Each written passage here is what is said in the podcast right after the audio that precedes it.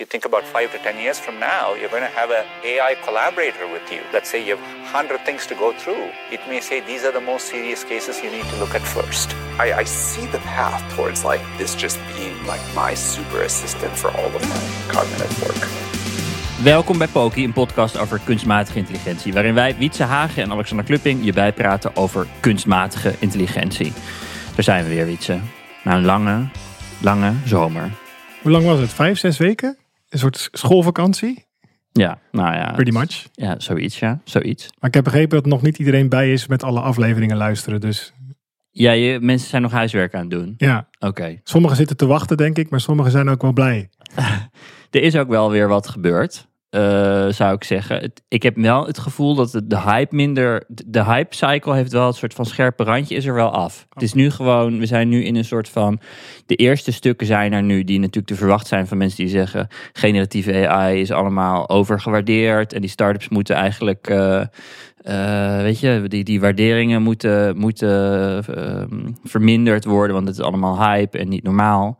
Ehm, dus dat soort stukken lees je al. Nou, dat boeit me dan eerlijk gezegd niet zo heel veel. Maar ik heb wel het idee, het is nu gewoon gewoon. Het is als water uit de kraan nu. Dus ik- nu, nu kunnen we vanaf, vanaf hier kunnen we gewoon normaal gaan doen en accepteren dat dit in ons leven zit. Misschien wat gezonder ook, denk ik. Ik heb wel, wel een aantal mensen gehad, niet die mij op straat hebben aangesproken. Maar wel in mijn, in mijn, in mijn leven. Van, Mensen weten ook niet hoe jij eruit ziet, want dat hou je angstvallig geheim. ja, dus, dat scheelt. ja, Maar die zeiden van, ja, eh, het is nu wel eh, wat rustiger hè, rondom AI. Ja. Eh, is het nog wel interessant om erover op te nemen? En toen dacht nou, zeker wel.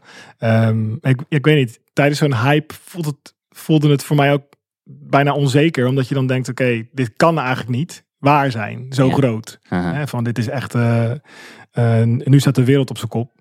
Terwijl op de lange termijn, ik denk nog steeds dat die wereld wel op zijn kop aan het draaien is. Ja. Maar de hype is er wel een beetje uit. Tegelijkertijd was ik dat ook een beetje aan het monitoren. Want eh, net voordat we begonnen, te denken, we moeten het even over die hype cycle hebben. Dus thanks. Ehm, want hoe je dat een beetje kan, hoe ik dat dan een beetje in de gaten hou, is oké, waar, waar zitten de investeringen? Ik bedoel, investeren kan ook in hype tijd. Juist in hype tijd. ja. Maar komt er ook wat binnen? En dat is nu wel interessant dat bij, eh, eh, naar eigen zeggen, bij OpenAI 80 miljoen dollar per maand binnenkomt aan revenue op het moment. En dat is dus wel ja, revenue voor een product waar mensen blijkbaar waarde in zien. Mhm. En niet alleen maar mensen, maar vooral bedrijven ook, Mhm. die daar goed voor betalen. Ehm, eh, want ze hebben best wel, het, het nieuws was iets van twee maanden geleden ongeveer van het gaat eigenlijk niet goed met OpenAI financieel, want die al die GPU's die ze hebben gekocht en al die energie die dat vooral kost, hè, want dat is best wel een grote keerzijde aan de hele AI-hype, ehm, die, die komt niet uit met wat er binnenkomt. En op deze manier moet je er wel, ja, wordt een soort WeWork, waar je de hele tijd geld bij aan het gooien bent. Ja. Maar het is een soort eh, plant die eigenlijk niet op die plek wil groeien. En jij gaat iedere dag toch maar weer fertilizer erop gooien. Ja. Misschien is het gewoon niet de plek. Ja. Ehm, dus dat blijft, en in, in een hype cycle is dat niet helder. Zeg maar. Als het water hoog staat, weet je niet wie er geen zwembroek aan heeft. Totdat er een app komt en dan is het ineens, oeh. en nu komt er zo langzaam wat app, hè? want het gebruikersaantallen bij OpenAI nemen wat terug. Hè? Investeringen nemen wat terug. Maar tegelijkertijd komt er best wel een serieuze eh, bak geld binnen bij OpenAI. Van, van klanten die dus waarde zien in, in hun product. En dat vind ik wel... Dat laat volgens mij wel zien dat er iets aan de hand is. En misschien zijn er luisteraars die zeggen: Oh, dat daar heb ik nooit over getwijfeld. Maar ik weet ook dat er best wat, misschien wel terecht, eh, cynisme is rondom: Oké, daar gaan we weer. eh, Mm. van blockchain naar AI. En wat, over drie jaar hebben we het waarschijnlijk weer over de Dynamic Island 4 in, eh, in, de, nieuwe, in de nieuwe iPhone. Staat niet in verhouding. Maar ehm, ja, dus ik denk dat als ik zo'n beetje rondlees, kijk en ook naar mezelf, gewoon de, uh, uh, hoe ik het gebruik. Ik ben ook iets minder gaan gebruiken dan dat ik het aan het begin ging gebruiken. Ik liet jou net nog een stukje 11 Labs horen. Nou, je viel bijna in slaap. Nee, maar ik bedoel, in, ja, precies. wat is hier nieuw aan? Boring. Ja, toch? Kunnen iedere stem klonen Ja. in het Nederlands. Saai. Saai. Dus ik denk dat we en je hebt het effect van ja, het nieuwe normaal we zijn aan het wennen aan het feit dat er blijkbaar stemmen gekloond kunnen worden. Ja. En die, ja, de, de nieuwheid daarvan, de, eh, dat wordt gewoon wat minder eh, indrukwekkend. Maar tegelijkertijd ontstaat daar dus een andere lijn met eh, inkomstengroei bij Ja. AI-gerelateerde bedrijven. Ja. Die redelijk gezond, of in ieder geval, daar zit groei in die echt lijkt te zijn. Ja. Dat vind ik wel interessant. Ja, ik denk het grootste ding wat mensen nu, wat zeg maar gewone mensen nu merken, is hoe snel Google AI integreert in al haar applicaties. Dus het zit in workspaces nu. Onder de naam Duet, hè? Ik Ja. vind het best wel een mooie poëtische naam. Ja, want dit, is- dit is het. Ik heb, ik heb het idee dat dit een beetje een ding is. Dus eh, dit noemen ze augmented AI. En Vanuit Google. Nee, dit is een beetje Oh. het, het labeltje wat, wat, eh, wat, wat er door mensen opgeplakt wordt. En dat is dus wat Microsoft Copilot noemt en wat Google dus Duet noemt. Het is dus niet het idee dat, je, dat, het, dat het je vervangt en overneemt, maar dat het je helpt als een assistent. Jij staat koekjes te bakken in de fabriek. Er wordt een robot naast je neergezet en die heet dan Your Buddy.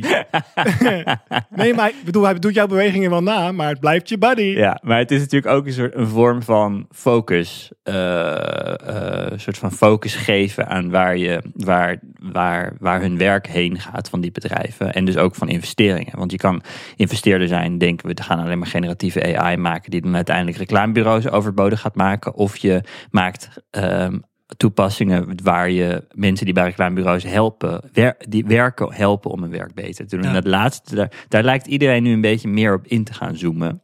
En dat is misschien ook, ja, het is misschien ook niet zo, niet zo heel gek. In ieder geval, Google eh, is, dus, is dus het meest zichtbare, denk ik, op dit moment voor, voor de meeste mensen Eindgebruikers bedoel voor eindgebruikers. En eh, als zeg maar in de iets meer cutting edge van wel consumer tools, zijn er gewoon, komen er nog steeds dagelijks onwaarschijnlijk veel eh, kleine eh, tooltjes uit.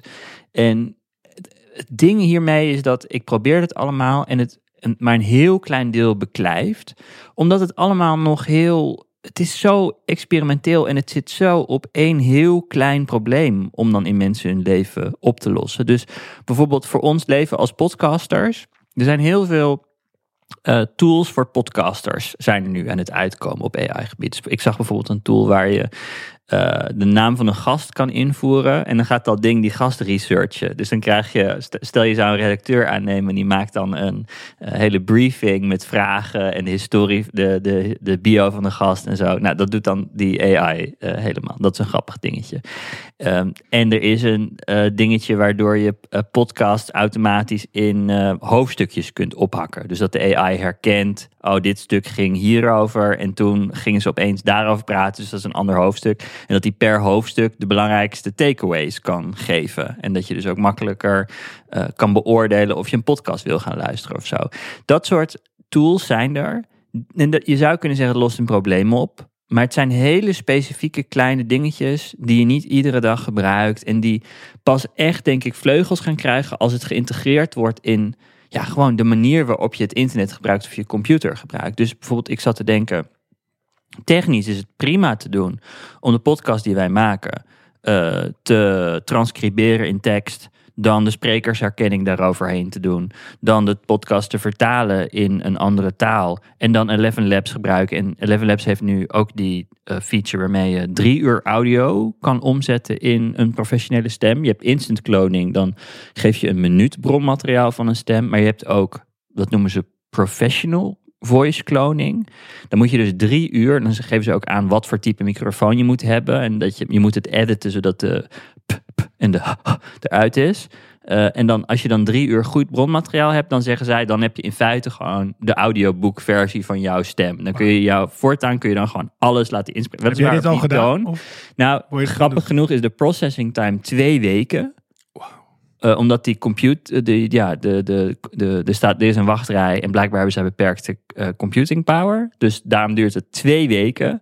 Eh, maar mijn eerste stap moet zijn dat ik mijn podcast om ga zetten en dan weet je, alleen maar mijn stem eruit ga halen en zo. Dus dat is nog wat werk. Maar in ieder geval, dan zou het dus goed mogelijk zijn dat wij deze podcast in het Spaans in real time vertalen.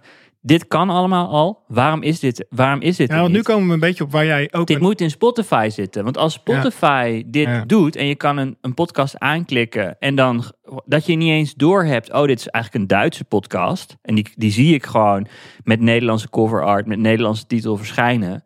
Eh, Dan heb je gewoon geen idee dat het een oorspronkelijk Duitse podcast is. Omdat je het in Nederlands opeens hoort. Met dezelfde muziek, met dezelfde grapjes en zo. En dat is het moment dat je stiekem heel veel AI op de achtergrond gebruikt, maar het niet doorhebt. En daar wacht, wacht ik nog steeds. op. Ja, want jij was een tijd geleden al best wel gefrustreerd dat je zei, waar zijn de tools? Ja. Je, van, je ziet gewoon, je ziet die potentie al, je hebt eigenlijk alle koppelingen al gemaakt, maar Ja. je denkt, waar kan ik het dan nu downloaden, Ja. zeg maar. Ehm, ik denk in dat opzicht dat we ook in de fase zijn waarin veel van deze kleinere tooltjes waar je het eerder over had, hè, voor podcasters, krijg je een heel ecosysteem van die mini-widget-achtige tools waar Ja. je één taak mee kan, wat op zich prima is. Ja. De vraag is alleen hoeveel van die tools eigenlijk features zijn in bestaande software. Juist. En Als jij eh, tien jaar geleden, die bestonden waarschijnlijk apps had waar je je songtekst zag, terwijl je je muziek luisterde, eh, de, het sing-along app of zo, dan was je meteen gesherlocked. Zoals, we, als, we, als de kenners dat noemen. Dat is, Apple heeft vroeger een app nabouwd, die heet nu Spotlight.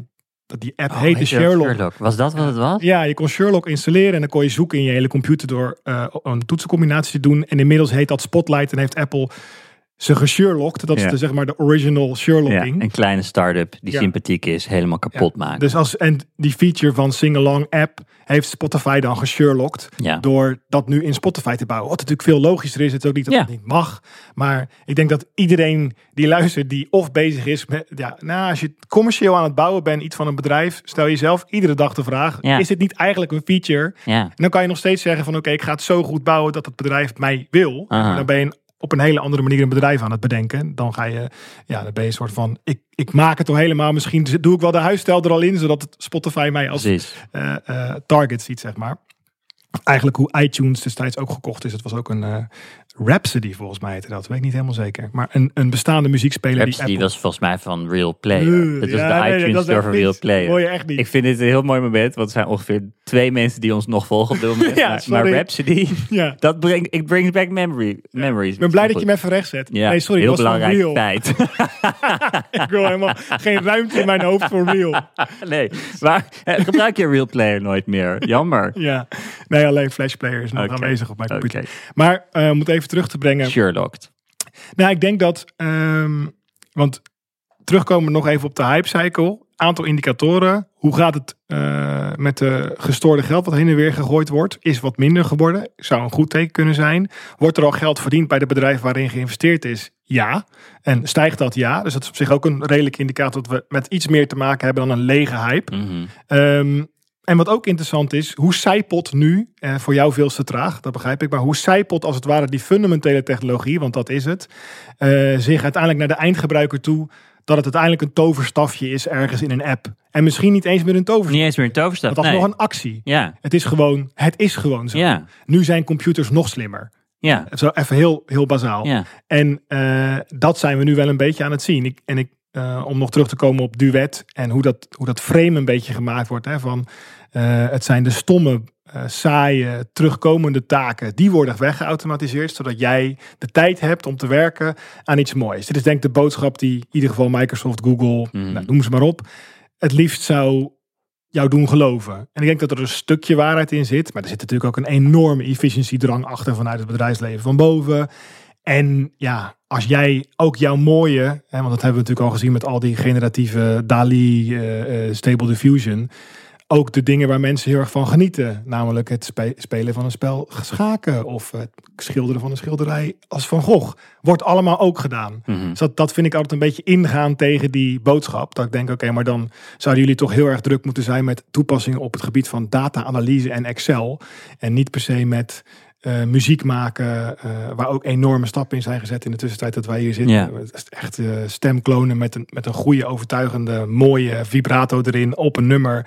Met Eric Cartman uit South Park, die Celine Dion nadoet, is gewoon echt 99% mooi geworden in de laatste twee maanden. Wat zie je hiervan dan? Laten we dit hole toch even induiken. Nou ja, de, wa- wat ik, ik, mijn punt wat ik even wilde maken is dat ik dus de boodschap, we, hè, de techsector, is aan het zorgen dat we straks allemaal geen saai werk meer hoeven te doen, maar alleen nog maar dingen die we leuk vinden. Dat die schaart niet helemaal met de realiteit van allemaal tooling die ook dingen kan die mensen op, over het algemeen leuk vinden. Dus dat, dat wou ik even zeggen, dat het een beetje discrepantie is in de boodschap Ja. en de realiteit. Ja. Ehm, en dat, eh, wij hebben het eerder gehad over, ehm eh, voor mij heet die eh, No One in the Computer, vet YouTube kanaal, die een Bach had gemixt met Apex Twin volgens mij. en een hele mooie visuele essay. En die, had ChatGPT muziek laten componeren in Ja. de stijl van Bach. Dat ja, en echt met allemaal hele... bedoel, fucking vet. ja, en dan hoe hij toeltjes aan elkaar plakt is nog even verder dan hoe rauw het is dat wij het Niet normaal. proberen te doen. En eh, die blijft natuurlijk ook uploaden. En ik, zo volg ik een beetje de... En, ik, en ik, ik ben dan vooral aan het luisteren naar... eh, we hadden het er eerder over. We zijn al een beetje verwend, hè?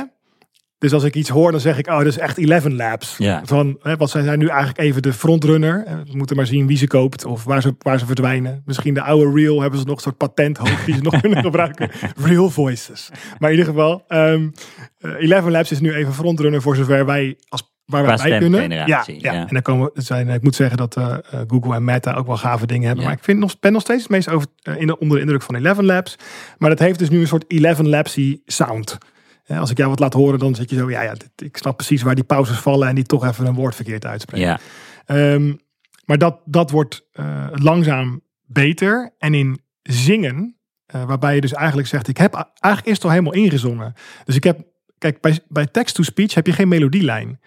Eh, die moet een beetje uit de tekst gehaald worden wat de emotie zou moeten zijn bij die zinnen. Dus als iemand zegt van, eh, nou, eh, gisteren weer van mijn fiets gevallen. Dan, is, dan moet eigenlijk 11 Labs ook snappen, dat is geen goed nieuws. Ja. Het is raar als ik dit vrolijk ga brengen. Ja. Maar dan dus we hebben het niet alleen maar over text-to-speech, maar ook text-to-emotional speech met Ja. een melodielijn. Dit maakt 11 Labs zo gestoord goed al, maar ook waar ze door de mand vallen iedere Juist. keer. Want ineens Want het is net niet goed. dit hem net niet. En die uncanniness hè, is heel moeilijk. Die laatste 10% zou zomaar eens nog weer vijf jaar kunnen duren. Of langer. Eigenlijk met alle AI zo, vind ik. Want Ja. het is al die dingen, het is maar zelfs de dingen die de, die de wereld beloven. eh, is de laatste 10% is dan gewoon of net feitelijk juist, of hij blijkt toch niet echt goed te En kunnen. wij zijn oud genoeg of- ook om dit al net even iets te vaak meegemaakt te hebben. Ik ben zo hyped geweest voor dingen, waardoor ik ook toch een Ja, beetje ja. cynisch ben. Van Ja, wacht maar even. Ja, Maar goed, tegelijkertijd kan, kunnen dingen al super bruikbaar zijn. Hè? Want ik, ehm, bijvoorbeeld, heel mooi. eh, eh, ik zat gisteren te luisteren naar iemand die pakte de ehm, state of the art eh, text-to-speech uit 1985. net rond ons bouwjaar, zeg maar. dat bestond in 1985. Ja, en dat was op de Commodore 64 had je een soort speech module, hardware. Wow. Een stuk schoof je erin. En dat is eigenlijk de stem van Stephen Hawking. Zoals wij die kennen. Dat is gewoon die stem. En die heeft hij gehouden forever, want dat werd zijn stem. Maar ja, dat is eigenlijk de generic vanilla eh, ja, speech eh, stem. Er waren meer tools toen hoor, maar dit was een bekende. Als je die hoort, dan denk je ook, ja, Stephen Hawking voor Ja, de luisteraars. Die stem. En dan zeggen ze, er stond er in beeld 1985 en dan doen ze een zin laten uitspreken. En dan 2023, dezelfde zin. 11 Labs met hun beste eh lezer. Echt een Mhm. Brit die Harry Potter kan voorlezen, Mhm. zeg maar. Eh, Stephen Fry. En dat was, kijk, ik heb een aantal mensen laten horen, uncanny goed. Toen was ik weer even een soort van onwend. Snap je wat ik bedoel? Toen dacht ik, als ik die tegen elkaar zet, en ja, het heeft lang geduurd, zo lang als, zo oud als wij zijn, maar man, dan hebben we toch wel sprongen gemaakt. De vraag is, kan je dat dan extrapoleren en zeggen, nou, over tien jaar lopen ze je kamer binnen? Nee. Waarschijnlijk is het dan net iets beter. Zou kunnen. Ik zat dus te kijken naar een bedrijf dat heet Elto, elto.ai. En wat zij doen zijn low latency live eh, voice, eh, live, low latency live stemmen, oftewel ehm, de tekst wordt heel snel gegenereerd en ook heel snel uitgesproken door dat ding. Dus het is gewoon, het is niet super goed, maar het is heel snel, Ja. waardoor je ermee kan praten. En dit bedrijf zet, dit bedrijf zet dat in om eh, telefoongesprekken te kunnen doen. Dus hun belofte is dat je kan je bent een, een verzekeraar of je bent een luchtvaartmaatschappij of eh, klantenservice en je hebt te maken met heel veel telefoontjes op een dag, waarbij heel veel mensen exact dezelfde vragen stellen, waar die al duizend keer beantwoord zijn en Ja. nu elke keer mensen dat doen. En dit is natuurlijk de voor- voor de hand liggende belofte dat dat dan geautomatiseerd kan worden door een stem. Dus zij hebben een soort van demootje op hun site staan van eh, een situatie die je kan voorstellen. Je bent Google Maps. Je hebt eh openingstijden op de website of op je eh, app staan. Maar je wil weten of die openingstijden nog actueel zijn. Dan eh, als je mensen gaat, als je winkels gaat mailen met vragen wil je dit updaten, dan doet de grote meerderheid van de mensen dit. Maar als je ze gaat bellen en je zegt gewoon klopt, ik heb deze openingstijden staan, klopt dat nog? Dan ga- gaat ze heus wel vertellen wat de openingstijden zijn. En die AI gebruikt het dan dus automatisch om zo'n app te uploaden. En dat klinkt zo. Rita's Mexican Bar and Grill. This is Sean. How can I help you? Hi, um, this is Steve from Delivery Dog. I noticed that your weekend hours aren't on your listing on our platform, so I just wanted to verify those with you. Yeah, um, we're open eight to eight on the weekend. Got it. Um, is that 8 a.m. to 8 p.m. on Saturdays and 8 a.m. to 8 p.m. on Sundays? Yep. Cool. One more thing. I noticed that you haven't made any promos. Deals are a great way to get more orders if you'd like any help getting set up. Um, not sure I'm the right person for that. Sorry. No worries. Have a great day then.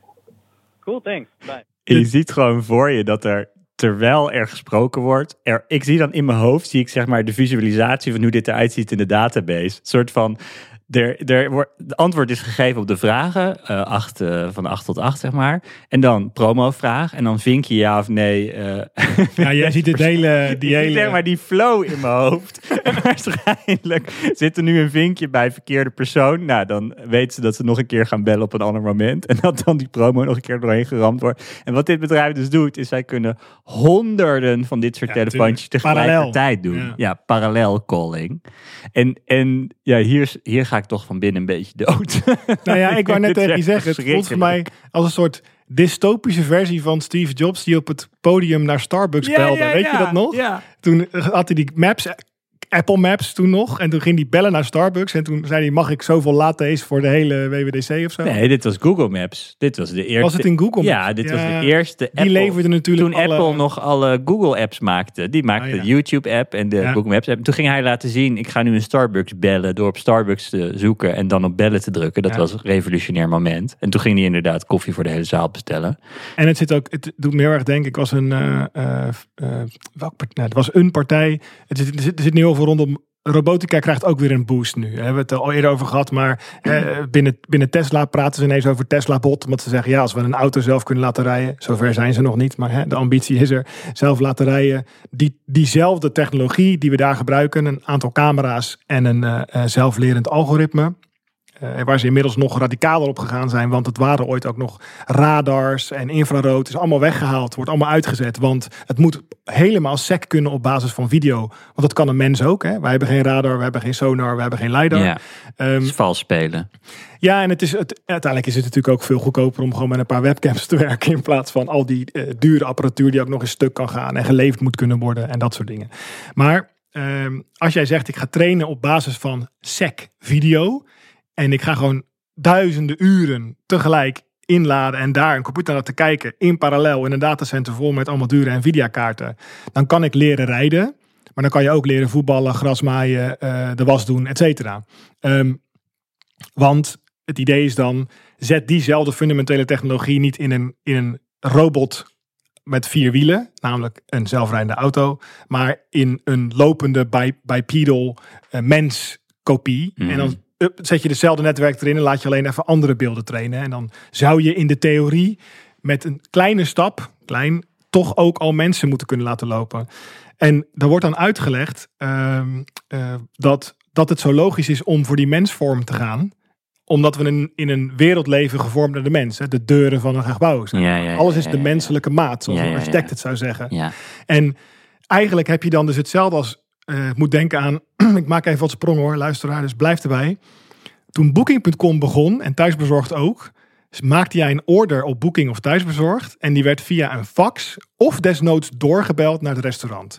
Dus dat is eigenlijk... Ja, je faked eigenlijk een API Ja. die er niet is. Ja, En die, die is menselijk. Wat jij nu laat horen net, is dezelfde truc. ja, Ehm, als ze het destijds hadden gehad, had thuisbezorgd het waarschijnlijk graag gebruikt. Want dan hadden ze die order voor jou ja. eh ehm, Swarma gewoon kunnen plaatsen via een robot.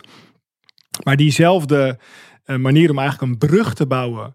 Een technologische brug die zeer inefficiënt en bizar. Ja, ja, dat zou je ja, nooit zo hebben gedaan als je het had mogen ontwerpen. Is het toch logisch, misschien nog wel logischer, dat je straks een vrachtwagen hebt waar iemand achter het stuur zit die een robot is in een vrachtwagen. Snap je? Dus, iedereen Ja, die nu ja, luistert, die systemen, technische systemen bouwt, die screeched van, ah nee, waarom? Weet je? Ja, maar dat is deze metafoor. Ik begrijp het wel. ja, het is alsof je een heel klein mechanisme op je knoppen in huis zet om je licht aan en uit te doen op je bestaande Jager Ja. en Bush lichtknoppen. Ja, ja, maar dit is wel natuurlijk als je zegt van ja, je hebt nu al een hele fabriek staan die volledig menselijke maat is. We vervangen één voor één al die mensen die daar lopen voor humanoids. En die kunnen dan gewoon in de lijn ernaast gaan staan. Als jouw duet buddies. Ja, ja. Buddies hè. ja, ja. Het zijn je Eh, vrienden. Zijn je vrienden. En, en die gaan je alleen maar helpen om het gevaarlijke werk te doen. Herkennen ook jouw emoties. Dus eh, kunnen ook eh, helpen Nou, als je chagrijnig bent. En ik denk dat het, een on- onderliggend interessant iets wat, wat bij mij een beetje begon te landen de laatste maanden is. ehm, veel grotere tech-kapitalisten zijn hun deuren aan het sluiten nu. En daarmee bedoel ik hun publieke deuren om te scrapen.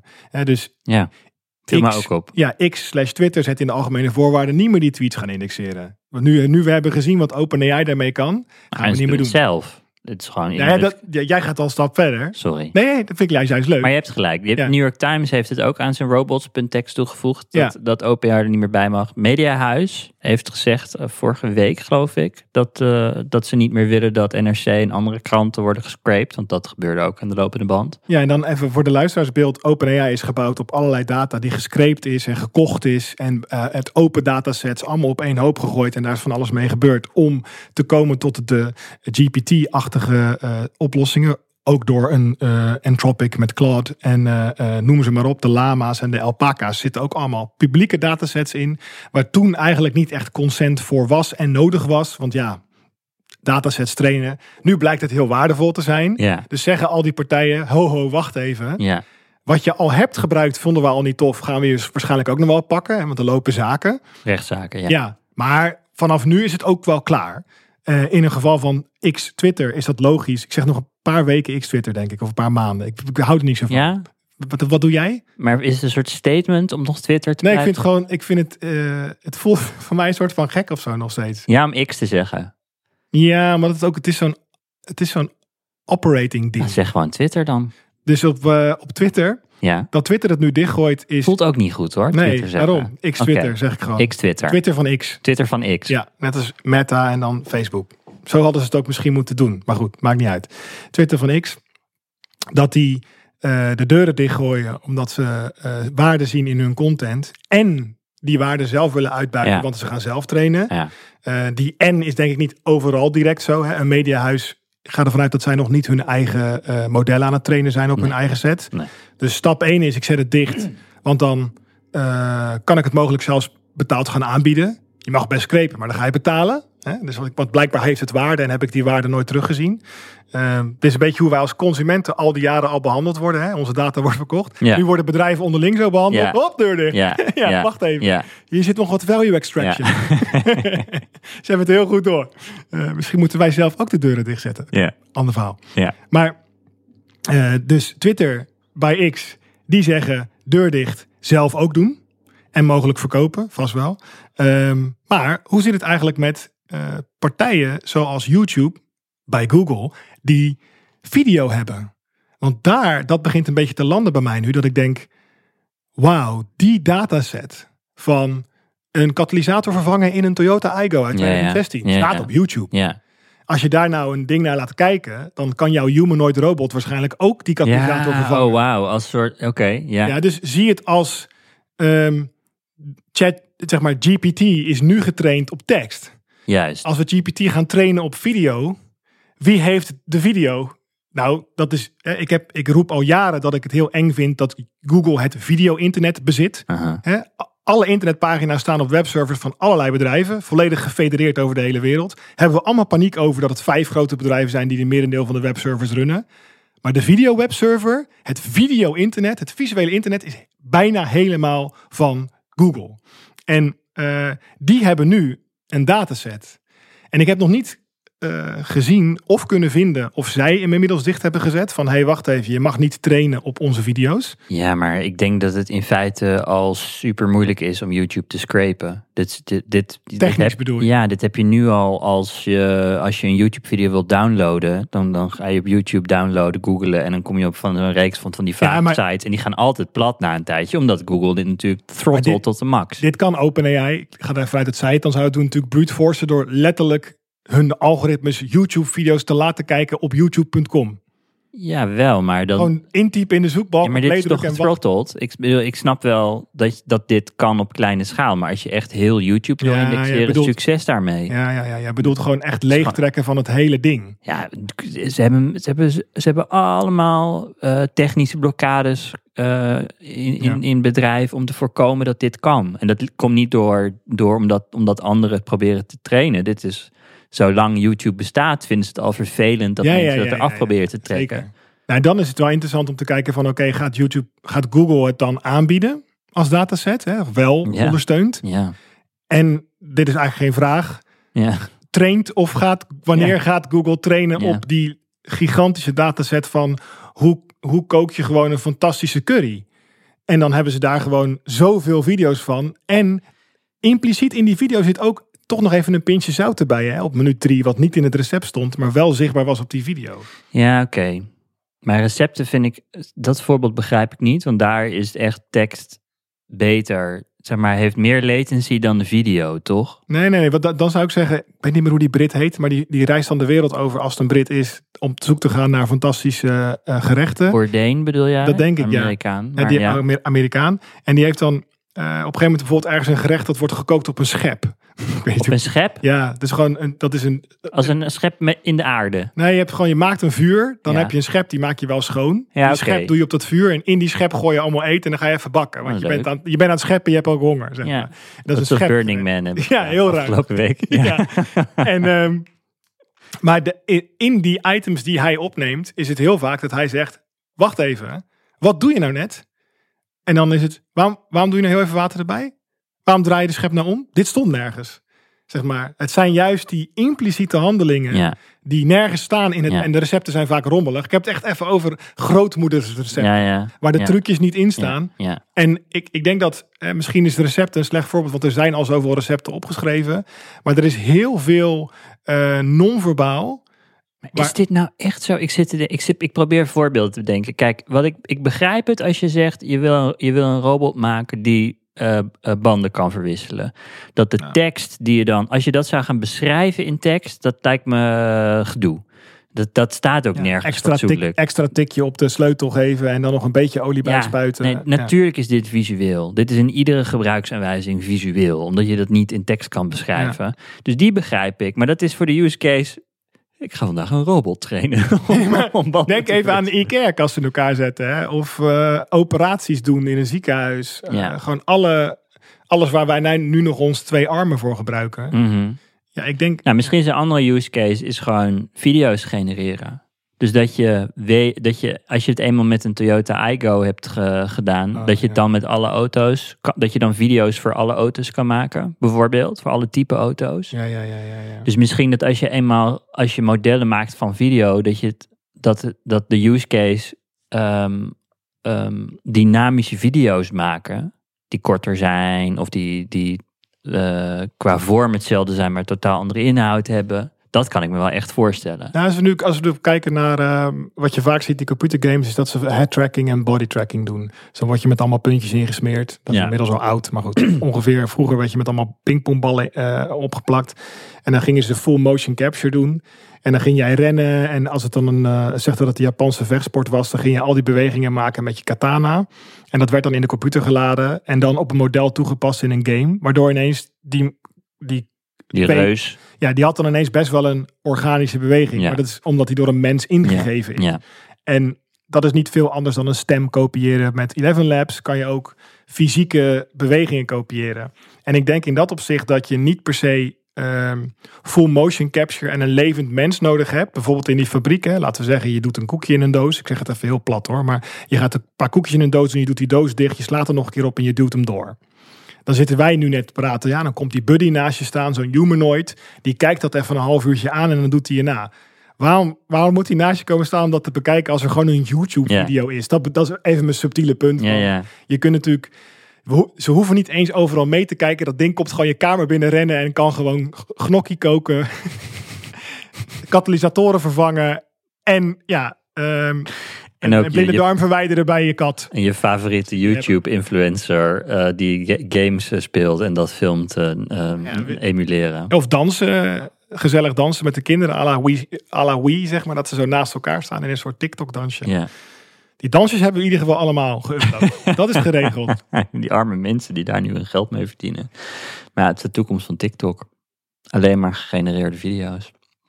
Ik zag dat Apple heeft. ehm, eh, er is eindelijk wat meer informatie bekend geworden over de eh, eh, AI-mensen die Apple heeft aangenomen. Apple heeft een team van 16 eh, mensen. De meeste zijn voormalig Google engineers. Die hebben een soort van eh, leegloop gehad een tijdje geleden. Is dat software dan, merendeels? Zeg maar AI en dan software. Ja. Want ze hebben natuurlijk qua hardware zit er al best wel wat lang in hun chips. Nee, dit gaat specifiek over software. Check. Oké. En eh zij geloven, zegt die information, dat hun taalmodel nu meer kan dan GPT 3,5. Oftewel, ze zijn aardig bij in hun eigen Ja, taalmodel. aardig bij met open source ook dan. Niet te cynisch zijn, maar dat is een beetje de state of the art nu ook open source. Drie- 3.5 en dan 3% beter dan 3.5. Ja, maar Apple heeft dus zelf ook dat model geopen sourced. Hè? Dus nou ja, Onder goed. welke naam? Ehm, Apple pakken. Sorry, is te makkelijk. Dat zou wel leuk zijn. Nou, weet ik niet. Moet je zelf even Ja. opzoeken. Maar in ieder geval, ehm, dit gaat over een aantal eh, dingen zijn ze mee bezig. Ze, willen, ze werken aan software die plaatjes, video's en 3D-scènes genereren. Dus ik ga ervan uit dat dit allemaal voor de Vision Pro is. Ja. Dat is in ieder geval één team. Een ander team werkt aan ehm, multimodale AI, noemen ze het. Die beelden, dus video en eh, image, as well as tekst kan herkennen. Dus ik ga ervan uit dat dat ook voor Vision Pro is. En er is een team bezig om Siri beter te maken. En dit was eigenlijk het nieuws wat eh die information bracht vorige week. Een van de doelstellingen is zodat iPhone-gebruikers simpele voice commands kunnen gebruiken om taken uit te voeren die uit meerdere stappen te bestaan. Dus bijvoorbeeld, en dat is het, ik vind dat een heel vreemd voorbeeld noemen, maar oké, maar iemand zou Siri kunnen vertellen om een gifje te maken van de laatste vijf foto's die ze gemaakt hebben en dat te sturen naar een vriend met iMessage, waar je op dit moment al die stappen nog los van elkaar moet uitvoeren. Eigenlijk zeggen ze dus, met Siri moet je ehm, ehm, de opdrachten-app uit iPhone on the fly eh, kunnen samenstellen. Dus je, je eigen automations maken met stem. En dat doet heel erg denken aan eh, wat Zapier maakt. Zapier is een tool waarmee je andere tools aan elkaar kunt koppelen. En dan kun je bijvoorbeeld zeggen, als ik een e-mailtje krijg van Wietse, dan moeten mijn lampen rood worden. Ik noem maar een raar voorbeeld. dit, dit, doe doe ik. jij? Ja, ja, gaan Ja. alarmen dan af als, jij mij mailt. Ehm, en dat is over het algemeen best wel gedoe om zo'n workflowtje te maken binnen Zapier. Want dan moet je zeggen, voeg toe eh,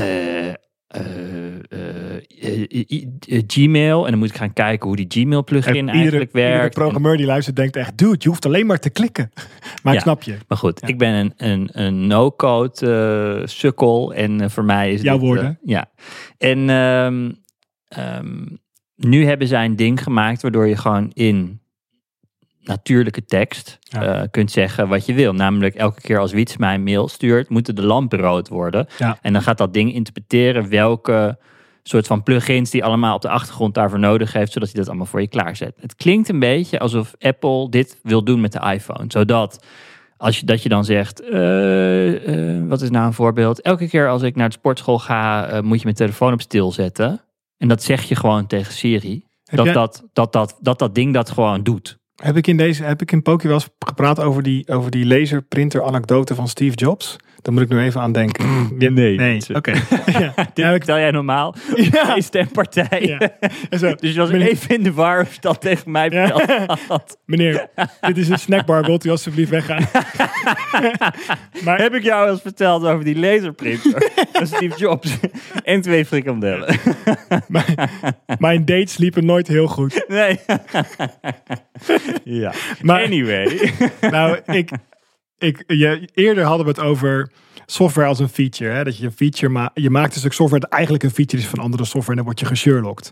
En jij hebt gepraat over tooltjes die, waar je nog eigenlijk gefrustreerd over bent. Waar zijn die nou? Want jij ziet al die fundamentele technieken al.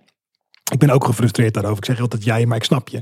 Ehm, en nu praat je over Apple, 16 mensen, waardoor ja, er is, er is zo'n beetje een beeld van, nou, dat conservatieve Apple, dat huppelt maar een beetje achter al die hype aan. Eh, terwijl ik denk, en dat is de anekdote van eh, eh, Steve Jobs, er is op een gegeven moment een discussie ehm, op een developers conference, heel lang geleden, een, een jonge Steve Jobs, in verhouding jong, en iemand in het publiek zegt, die wordt gewoon echt heel erg boos. En die zegt zoiets van, ja, jullie hebben Java kapot gemaakt. Want er zit geen goede Java. Voor mij gaat het, het gaat specifiek over Java en wat het technisch probleem week is. Maar het is een hele tech- technische opmerking. Nou, dit, dit voorbeeld wordt vaak aangehaald van, kijk eens hoe cool Steve Jobs dat pareert. Terwijl ik het vooral inhoudelijk interessant vind.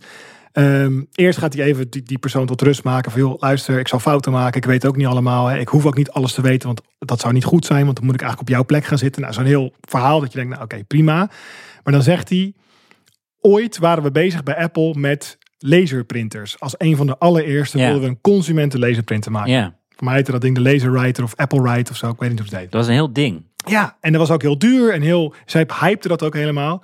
En hij zei: die laserprinter kon snel en super hoge PPI, zeg maar, dat heet geen PPI, maar DPI op papier, met een dichtheid van de pixels, scherp, Scherpte van scherp, de zwart, mooi. Nou, ik hoef niet uit te leggen aan de luisteraar. Er is wel echt een groot verschil tussen een inkjet en een laserprinter. Als iemand nog print, wat zijn we oud. Maar in ieder geval, die, eh, hij, hij vertelt daar dat hij zegt, die laserprinter die was snel, eh, die was scherp. En wat we ook nog hadden gecreëerd is PostScript. Want we konden PostScript, dat is eigenlijk een manier waarop je met vectoren kan tekenen. En dus PDF vector-based kan uitprinten. Dus je gaat dan niet de pixels printen, maar de coördinaten van de letter P, want die zitten in het font. Dus dan ga je die laserprinter ook nog eens aansturen met het allermooiste data die je die printer kan geven. Niet er komt een puntje daar te staan en dan gaan we een P maken. Nee, nee, jij gaat een P plotten, want je hebt de coördinaten van die letter P. En de belofte daarvan is dat het Scherper is. scherper is. Ja, en dat jouw fonds die jij gekocht hebt of vanuit je bedrijf hebt. Op, nou, en, maar je merkt nu al, en dit is precies het punt.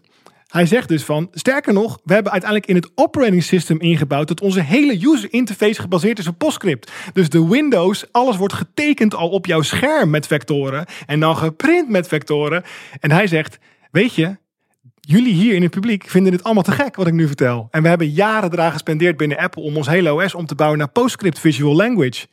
Maar uiteindelijk besefte ik me dat ik het printje moest laten zien aan iemand. Ja. En dan zei, wil je hiervoor betalen? Ja. En dan zeiden mensen, ja, want snel, scherp, mooi, dankjewel, ik wil het kopen. En dit hele even marketing dingetje wat ik hier doe, is wat wij, ik zeg even wij, als nerds inmiddels een beetje intuïtief begrijpen, is dat het superleuk is dat jij zegt, check man, ik heb FFmpeg geïnstalleerd. Dat is een binary en als je daar een AVI in doet, dan komt er aan de andere kant een WebP uit. Vet hè? En dan zo, whatever. En dan, oké, je kan nu de video die je naar je oma wilde sturen via WhatsApp, die komt nu aan.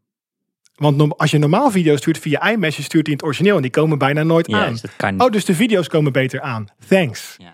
En voor mij waar wij nu een beetje omheen draaien, is dat AI-moment voor al die toepassingen waarin mensen zeggen: hey, ik hoorde al een keer van mijn buurjongen dat je inderdaad workflows kon instellen, maar pff, wat een gedoe. En nu vraag ik Je bedoelt gewoon- die opdrachten app.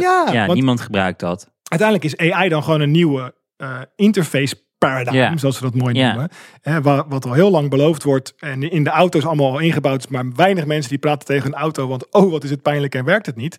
Het idee dat je tegen je computer praat en een opdracht kan geven en dat er dan iets voor je gemaakt wordt wat je normaal aan elkaar moest klikken Mm. en daarvoor zelfs aan elkaar moest eh, typen, dat is uiteindelijk waar de echte toegevoegde waarde zit. En ik denk dat Apple als geen ander, en er zijn inmiddels veel meer Apples en zo heilig is Apple helemaal niet meer, maar het is wel een bedrijf die dat al heel lang heel goed begrijpt. Niet iets op de markt gaan brengen zodat je het op een spec sheet kan toevoegen of kan zeggen wij hebben nu GPT. Nee, Nee. kijk eens, je kan makkelijker foto's versturen. Nee, maar goed. Ik denk dat ieder, iedereen heeft door dat Siri zo dom is als een stroopwafel. Ik Ja, bedoel, ik, dat ik, is wel... nooit, ik praat nooit met Siri. Nee, Dus maar dat is denk de ik het, dat is de reden waarom dat zo is. Wie, wie gebruikt Siri anders voor timers en zo? Ja, ja. alleen voor timers bedoel je. Ja, precies. Ja. En dat is gewoon omdat het, omdat het gewoon niet. En, en de belofte hier is natuurlijk dat je opdrachten. De opdrachten-app van iPhone, nogmaals een app die je waarschijnlijk nog nooit geopend hebt, maar waarbij je allerlei automatisch, auto, auto- automatiseringsdingetjes in je iPhone kan regelen. Als dit, dan dat.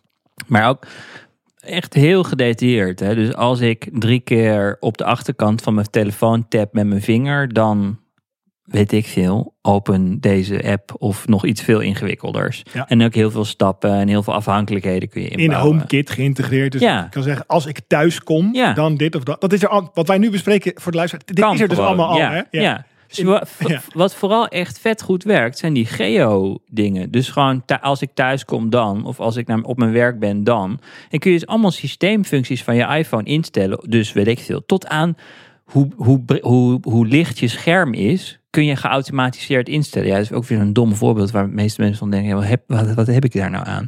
Maar met telefoon op stil zetten tijdens, tijdens een meeting of zo, dat kan iedereen zich wel voorstellen Ja. dat dat handig is. En nu gebruik je het gewoon niet omdat de manier om het in te stellen eh, kut is. En Siri gebruik je niet omdat 9 van de 10 keer als je iets vraagt, dan snapt dat ding het niet. Dus met, met de introductie van zo'n taalmodel gaat hij in ieder geval begrijpen. Hij gaat alles begrijpen opeens wat je zegt. En als er maar een soort van endpoints zijn. Als de endpoints er maar zijn die je vraagt. Dus dik veel. Ze gaan dan ook allemaal gekke shit moeten toevoegen voor die app zelf. Want ik wil dan. Weet je, ik was op de fiets hier naartoe. En ik, wilde, ik vroeg aan Siri tegen beter weten in. eh, vertel Wietse via Telegram wat mijn live locatie is. Dus er gebeuren een aantal dingen. Hij moet weten wie Wietse is. Hij moet weten wat Telegram is. En hij moet weten wat de live locatiefunctie is van Telegram. En ik weet al wat Telegram dan gaat vragen. Het gaat dan vragen hoe lang wil je je live ding delen. Dat moet dat ding dan aan mij vragen. Dat, ik wil... Hoe ging het nu dan? Heb je het uiteindelijk helemaal met de hand gedaan? Sorry, dit kan ik niet. Ja, ik heb het met de hand gedaan. Oh ja. Op Ja, de fiets. ja. Met, met risico op een boete in de Damstraat. Jij, jij hoopt gewoon nog. Jij gaat het net zo lang vragen tot het een keer is. Ja, heb ik gedaan. Of Ja. is geregeld. Ja, precies. Maar da- daarvoor moet het endpoint, eh, live locatie delen in Telegram, ook wel verbonden zijn met Siri. En dat is er nu nog niet. Dus er zijn nog heel veel endpoints die gemaakt moeten worden. Maar in ieder geval gaat het soort van de herkenning van wat ik wil. Ik denk dat dat 9 van de 10 keer straks goed gaat zijn. Dat is wel heel wat. En dan opeens is het wel, ja jeetje. Ik denk wel echt, als ik dan, maar hoe vaak ik denk nu, ik wil eh, dat bestand opzoeken wat in mijn e-mail zit. Soort van, weet ik veel. De factuur van vorige maand van Eneco, ik noem maar wat. Laat die zien. En dat Is is wel dan mijn mail-app opent en gewoon die fucking pdf laat zien. Jij zegt nu tussen neus en lippen door, zeg je die endpoint is er nog niet. Hè? En dit doet me denken aan een discussie die ik vorige week had. eh, niet in een snackbar, maar gewoon met iemand die het had over webtoegankelijkheid. En drempels weg en dat soort zaken. Je en denkt het- dat je nu overkomt als een normaal mens. Dat vind ik wel mooi. Ja.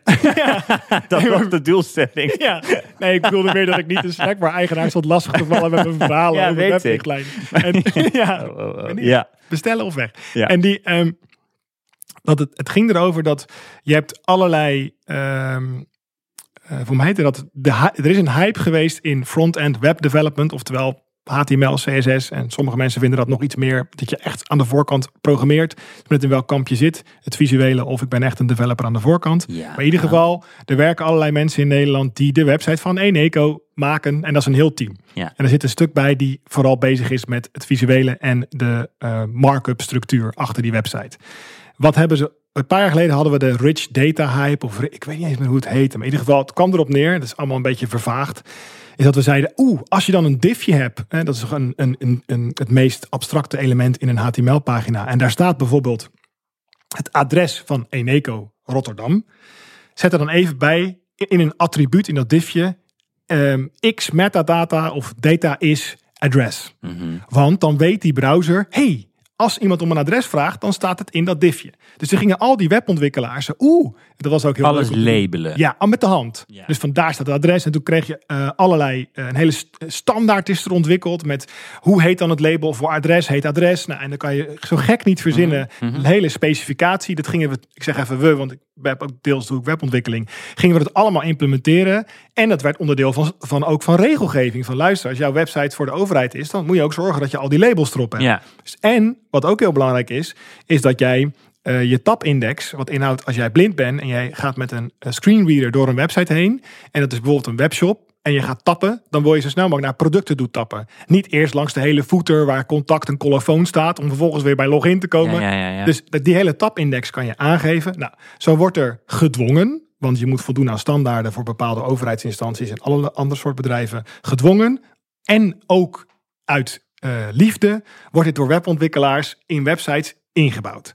Om allemaal die toegankelijkheid voor wie dan ook van een minderheid of iemand die een bepaalde handicap heeft, et cetera, toegang te kunnen Ja, geven. dat is meestal, dat is de meest gevraagde functie Ja. toch? Voor blinden Ja, en en slechtzienden. dat- Als je één keer, ik heb dit op eh, dit vak ook een tijd gegeven met accessibility op de Ja. hogeschool. Als je één keer iemand uitnodigt die, die slechtziend is en die laat jij op een website iets doen en een week later hebben die studenten het aangepast en komt die persoon terug, die doet het nog een keer en het werkt, dan heb je iedereen ook overtuigd. ja. En dan kan je zeggen, ja, maar dat is 1 op de 10.000 bezoekers. So what? Nou, daar had ik dus een discussie over. So what? Dat kost best wel wat tijd om het allemaal te integreren. Dat klinkt misschien heel naar hoe ik dat nu zo zeg vanuit een efficiency denken. Maar ja, voor die 1 op 10.000, Ja. misschien moeten die naar een andere Ja, ja, ja. energieleverancier gaan dan. Even heel Met. Blender ook hoor. Ja. Dat, dat ik echt moest discussiëren of ik al die, al die accessibility dingen in, in Blender wilde inbouwen. Nou, we komen dus nu op een interessant punt dat eh, we dit kunnen gaan brute-forcen. Want net als wat ik net heb uitgelegd met die humanoid, we gooien gewoon die oude, die oude Scania-truck, hop, humanoid erin. Super overdreven. Iedere ingenieur gaat, gaat schreeuwen van dit moet je niet doen. Maar het gaat wel werken, hè, als we die humanoid hebben. Wat we dus nu kunnen gaan doen, en daar, ik dacht aan wat jij zei, endpoints, endpoint, endpoints. Ik kan me zeer goed voorstellen dat er uiteindelijk een proces meedraait in jouw operating system, hè, in iOS. Het zal, Google zal de eerste zijn. Waarschijnlijk draait er al iets mee. En hier, oh, wauw, die dit echt gaat eh, nou, die- als, herkennen. jij, nou, als jij dan zegt, ik wil die locatie in Telegram en zo, dat, die heeft geen endpoints, dat weet Die gewoon- voert gewoon die stappen uit. Alsof, die, alsof er een muis is die het allemaal aanklikt. Zeker weten. Heel, heel Ja, lelijk. En weet je wat hij ja. doet? Hij spant, zeg maar, ik ga even techniek, technisch Hij spant nog een window, een, een transparant of een verborgen window op de achtergrond die jij als eindgebruiker niet ziet. Het is gewoon een tweede scherm die jij Ja, niet ziet. ja, ja, ja. en ja. daarop gaat hij gewoon klikken. Ja. En weer zitten nu al die engineers te luisteren met, oh, wat Eh. lelijk. Ja, Terwijl ik gewoon denk, met het die, werkt. weet je hoe brute force die large language models zijn? Ja. Het zijn pretty much uit de hand gelopen tekstvoorspel dingen. Ja. Waar mensen nu gewoon eh, boeken door begrijpen, omdat hij het uit kan leggen als een kind Ja. van vijf. Ja. Dus, eh, Oh, dat is wel vet. dus ik denk dat jouw droom. Ja, ja. eh, Dat door, hoeft helemaal niet. Die endpoints hoeven helemaal niet gemaakt te worden Nee. door al die developers. nou ja, nu, dat is hetzelfde wat nu gebeurd is met machine translation. Dat, ik zat laatst, ik gebruikte altijd Google Translate. en vroeger Babelfish, om even te laten zien hoe lang ik al op het internet zit. Dus ik, ik Google Translate. Gisteren wil, wilde ik iets hebben, dat was in het Duits. Ik kreeg een, een Duits geschreven e-mail. En ik dacht, ik, ik kan het redelijk lezen, maar even checken, want het was ook nog een zakelijke e-mail. Dus ik ging naar, ik begon te typen translate. Toen dacht ik, nee, nee, natuurlijk niet. ChatGPT, sowieso. Ja. Ik ga echt niet translate laten doen door tra- Google ja, Translate. voelt vies, hè? Voelt vies. Ja, snap. Dus, dus ik gooide het in ChatGPT. Toen zei ik ook nog, kan je het op drie verschillende manieren uitleggen, deze mail? Want dan heb ik de grootste kans dat de uitleg klopt. En krijg ik dus drie verschillende manieren hoe je die mail kon lezen. Er zat een beetje nuance in die ik niet helemaal begreep. Dus ik zat het lezen, dacht ik, later dacht ik, dit is helemaal niet gebouwd om te kunnen vertalen. Het is gewoon bijvangst van een enorm Ja. bizarre tekstpredictor. Nou, dezezelfde, je voelt hem al. Dit gaat de bijvangst zijn dat er gewoon iets op de achtergrond in een onzichtbaar iOS-window Ja. op de achtergrond van jouw device. Die gaat gewoon Telegram in. Die gaat gewoon de locatie doen. Die leest die tekst. Die denkt, hey, hij vraagt om eh, hoeveel minuten. Weet je wat, ik maak wel een gok. En dan ook nog, en daarom is het, denk ik, Google eh, en Microsoft op de desktop nog veel eerder die, die dit gaan doen. Want wat heb je hiervoor nodig? Enorme toegang nou, tot, een, tot een, een besturingssysteem. Hè, dus eh, wat je nu bijvoorbeeld in Windows heel erg ziet, dat heet telemetry. Heel veel mensen die Windows installeren, ik ben geen Windows gebruiker, maar ik lees veel daarover. Die zetten allemaal de telemetry uit. Wat Telemetry, dat? Ehm, wat Microsoft doet, en dit is eigenlijk iets wat, wat denk ik, een gokje van mij, een beetje is overkomen waaien van het web. Wat heel veel e-commerce webshops doen, is echt hele heavy tracking. En ik heb niet over tracking, welke website kom je vandaan. Nee, nee, nee. Hoe beweeg jij je muis over de website? Wanneer ga je scrollen? En waarom zit je te twijfelen bij dat product? Juist. Nou, die heatmap tracking, zoals dat heet, daar, als jij natuurlijk duizend bezoekers per dag trackt en dan een heatmap van maakt, dan kan jij die middag nog presenteren op een beamer aan je personeel. Is heel interessant dat 70% van onze gebruikers eh, na twee scrollbewegingen in die hoek met hun muis blijft hangen. Ik noem maar wat. Jongens, dat moet omhoog. Zeg, zeg Coolblue. Mhm. ik, weet, niet- Mhm. ik weet niet of ze dit gebruiken. Zou kunnen. Een Coolblue-achtige partij.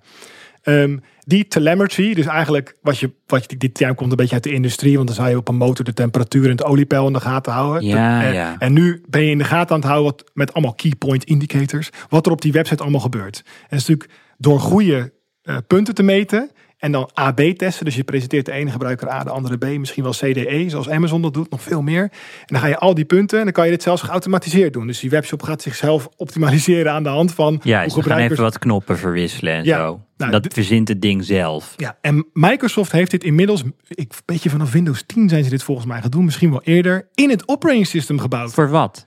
Om jou helemaal in de gaten te houden binnen Windows. Zo, ik bedoel, Voor dus- hun eigen data, voor hun eigen analyse over hoe mensen Windows ja, klinkt gebruiken. nu heel erg van, er zit een, microfoon in je tand, maar zeg maar een soort conspiracy. Maar dit is, in de basis is het, joh, als jij eh, Windows opent, hoe vaak gaan mensen dan naar de mail-app eh, om een mail te bekijken? Hoe lang blijven ze in die mail-app? Niet de mail lezen, Ja, Of je moet je mail bij Microsoft opslaan, dan lezen ze het wel. Maar, als jij, maar wel.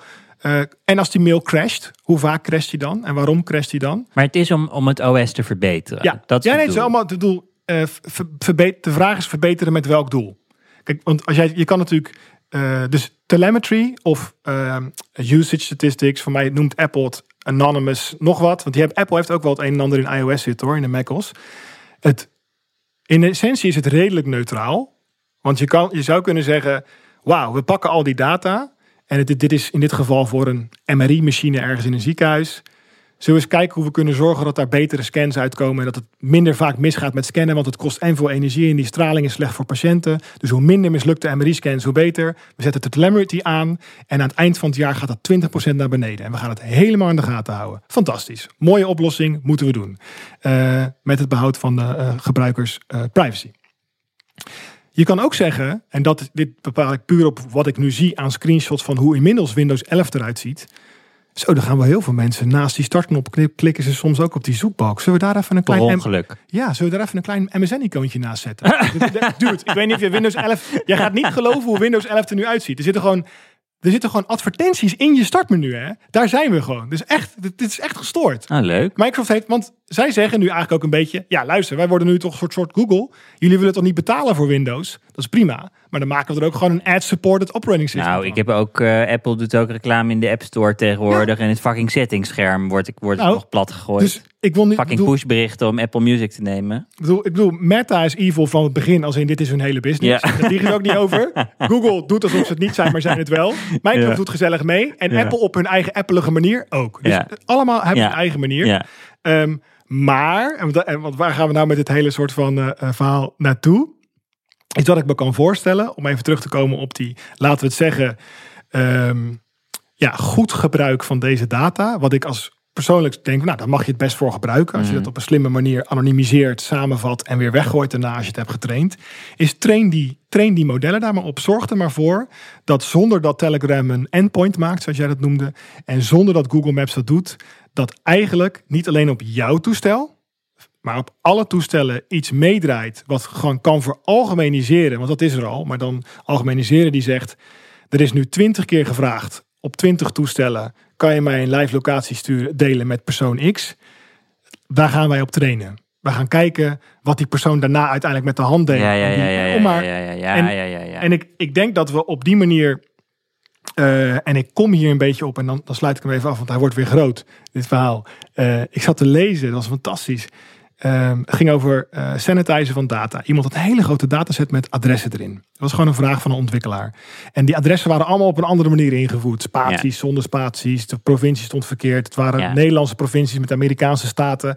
Nou, klassiek probleem is inmiddels legio eh, maatsoftware voor ontwikkeld. Waardoor jij dus hele ja, rommelige datasets erin gooit. En aan de andere kant komt het er helemaal shiny uit. Helemaal genormaliseerd naar de juiste data. Daar heb je API's voor en diensten en software. Eh, en allerlei trucs die je zelf kan inbouwen als ontwikkelaar. Wat waarschijnlijk bijvoorbeeld in een Eneco-site zit vast iets om even dat spatietje uit die postcode weg te halen. Ik noem maar wat. Hè. Ehm, en deze ontwikkelaar die, die plaatste eigenlijk van... Hé hey jongens, ik, ik, ik heb nu eigenlijk eh, iets gebouwd. eh, vijf maanden geleden al heel lang aan gewerkt. best wel een hele hoop code. En toen zat ik met de chat, met de GPT-API te praten. En ik kan eigenlijk gewoon die data erin gooien. En dan zeggen dat ik het op die manier terug wil. En dan komt het gewoon terug. Ja. En ja, ik verifieer het nu ook met, maar het draait het naast elkaar, zijn eigen stukje. En hij zegt, ja, de hallucinatie is ook zeg maar onder de procent. Dus ja, Prima. ik denk dat ik het ga vervangen. Ja. En de discussie die, die toen dus ontstond, echt merendeel van de medeontwikkelaars echt van, je kan toch niet, je gooit het daar ergens naartoe, je hebt geen idee hoe het model werkt. En weet je, dit is toch geen programmeren meer, maar je Mm. bent gewoon dingen tegen de muur aan het gooien en het Mm. tot het plakt. En ik zat het te lezen en ik dacht, yep, dit is pretty much hoe 90% van de ontwikkelaars het gaat doen, man. Want ja, eh, het werkt Ja. en goed genoeg. En dit moet je natuurlijk niet voor medische data doen, hè? want dan hallucineer je zomaar wat getallen erbij en dan heeft het hele grote impact op onderzoeken. Dus weet waar je het voor gebruikt. Eh, en het is ook lullig als het pakketje op een andere plek aankomt. Maar ik kan me heel goed voorstellen dat deze zware, dure, eh energieduur, maar ook financieel nog dure, eh, omslachtige, lompe AI-oplossingen gewoon op allerlei dingen gegooid gaan worden. Om gewoon in één keer, ja, nu is vertalen gewoon twee keer zo goed geworden. Ja, is het een omweg? Ja, maar het werkt heel goed. Puur resultaat, pragmatisch gerichte AI toepassen. Wat jij net zei over eigenlijk gaan we onze, onze apps eh, zo gebruiken eh, eh, dat we, we. Het wordt in ieder geval mogelijk om met spraak allerlei dingen te doen. Omdat de app, omdat je iPhone of je Android-telefoon of op je desktop automatisch op de achtergrond in een soort van verborgen scherm uitvoert wat je normaal gesproken met je muis met je vingertje had gedaan. Dus bijvoorbeeld, je zegt: Ik wil eh, een pizza, eh zelfde als vorige keer.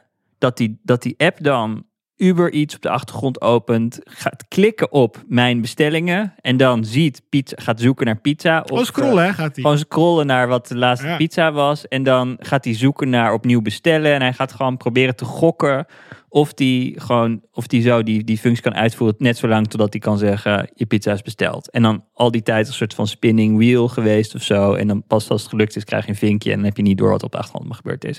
Ik weet dat dit eh, gebeurt voor websites. Dus ik, ik, ik ken dit soort tools ehm, voor het internet. Zodat je kan zeggen boek het goedkoopste vliegticket naar New York voor volgende week voor me. En dat dat dan klaargezet wordt. Dat je alleen maar op kopen hoeft te drukken. En het staat al klaar in je winkelwagentje. Maar ik had het nog niet bedacht op het niveau van het OS. En ehm, het doet me een beetje denken aan, ehm, aan dat rewind.ai. Dat is zo'n tool die Ja, eigenlijk wat jij beschrijft met telemetry. Telemetry? ja Telemetry. telemetry. Telemetry. Wat jij beschrijft daarmee, namelijk de hele tijd soort van opnemen wat je doet op je scherm. Dat is wat Rewind.ai doet. Dus het is alsof die een videootje maakt van wat je de hele dag op je computertje aan het doen bent. Waardoor je terug kan zoeken. ehm, je kan iets terugzoeken waarvan je niet per se meer weet wat de context was. Dus als je dan zegt. Eh, ik sprak, eh, ik had vorige week een gesprek met Wietse, ik weet niet meer waar, en het ging over kaartjes voor eh, iets waar we heen gingen.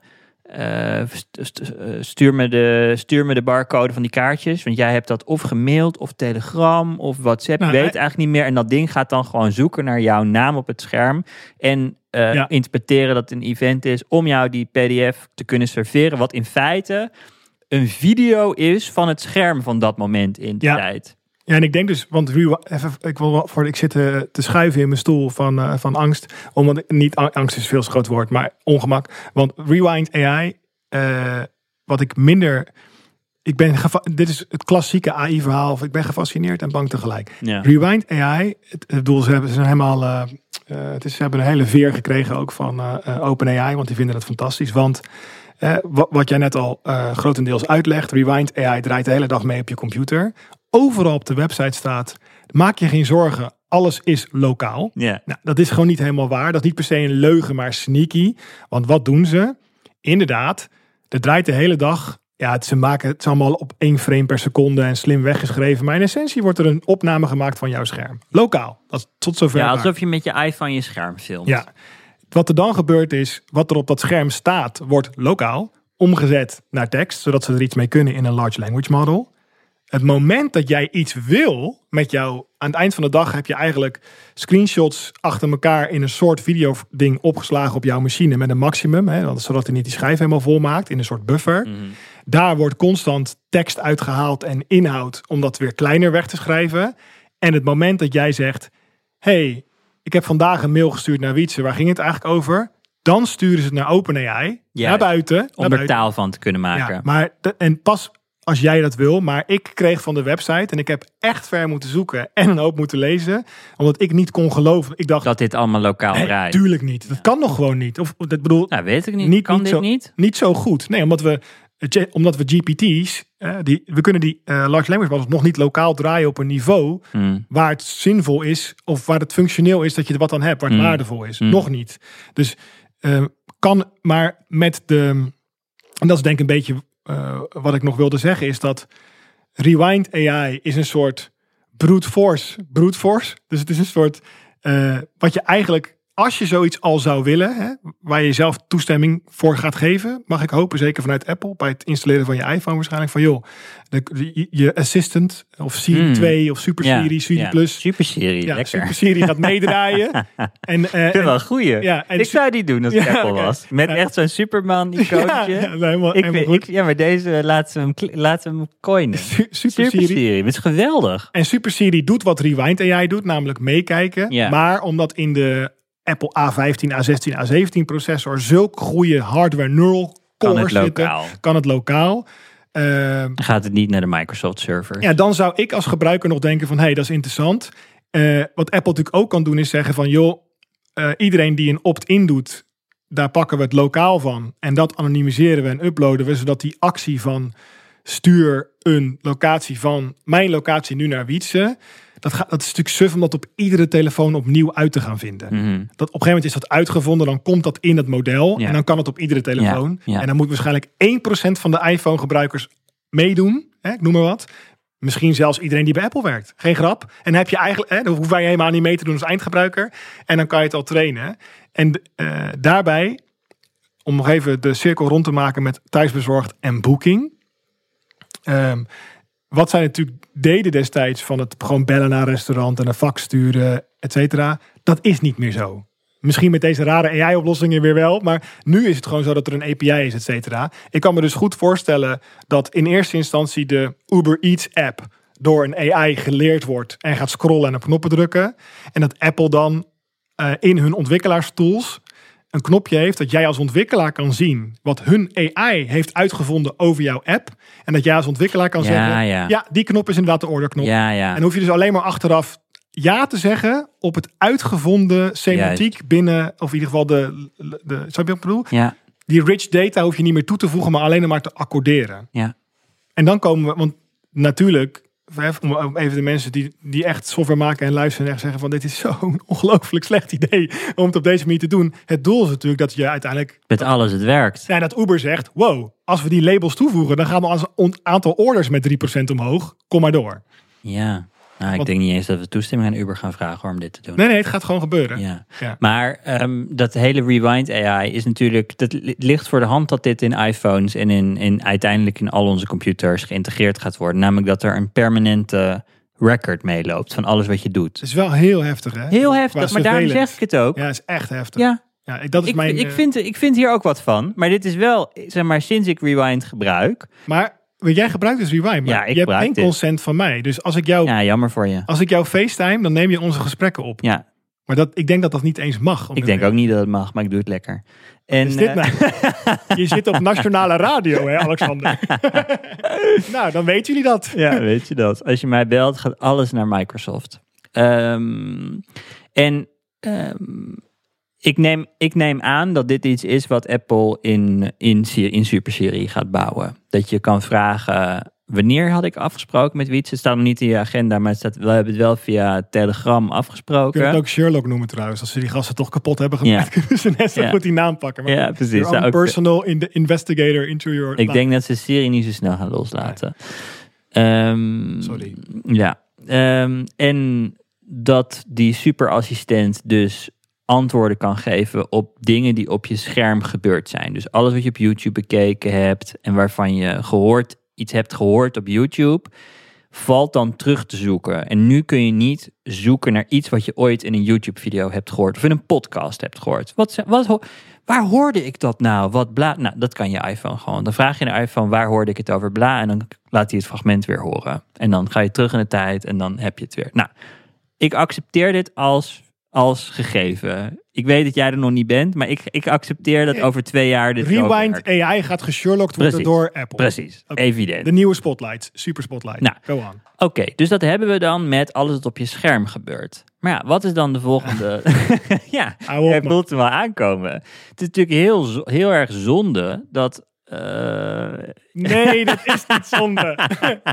Hoeveel kroketten had ik vanmiddag besteld bij die precies, snackbar? Want ja. ik heb er maar één het is gekregen. heel erg zonde dat die microfoon die in onze iPhone zit, wat een prima microfoon is, en daarnaast zit die microfoon ook in mijn Apple Watch, dus ze kunnen mooi dan de, de noise eruit filteren, omdat ze twee microfoons niet eens hebben. in te doen. En daarnaast staat er ook nog een, een, eh, een HomePod die vanaf de andere kant van de kamer mooi kan mee opnemen. En, oftewel, we worden omringd door microfoons die de hele tijd alles kunnen opnemen. En ik zeg het, en ik zeg het natuurlijk enigszins met scherts, eh, maar ehm, ik zeg het omdat er de Rewind heeft al die tooling uitgebreid, naar eh, Zoom gesprekken, Google Meet gesprekken en andere videoconferencing tools. Zodat die automatisch opgenomen worden en automatisch meeting notes worden gemaakt ervan. Dus elke keer als jij een meeting hebt en je hebt Rewind op de achtergrond draaien, dat is niet een bewust proces, dat draait gewoon op de achtergrond. Daar praat je alleen maar mee als je echt een vraag hebt aan dat ding. Voor de rest heb je het niet door. Hij neemt nu alle meetings, neemt hij automatisch op. En elke keer als dat klaar is, dan krijg je een soort van notificatie-icoontje. En dan zegt hij, nou, je hebt een meeting gehad. Je hebt niet van tevoren op opnemen, opnemen gedrukt. Dat doet het ding zelf. En dit is de samenvatting van de meeting. Dit is wat jullie besloten hebben. Deze mensen zaten in de meeting, bla bla bla. Oké, nou, dat, dat, dat, ik, ik dacht daarvan, nou, is handig. Er loopt gewoon de hele dag een ja, man loopt met de hele dag een mannetje met een microfoon mee. naast jou. Oké, dus die zit in Rewind. Maar ik zat vandaag te kijken naar een andere tool. Ik ben de naam vergeten. En eh, doet er ook niet zo heel veel toe. Want volgens mij is het meer een soort van proof of concept dan een echte... Rewind vragen. Ja, ja, precies. Ja, oké, goed punt. Dan een echte app.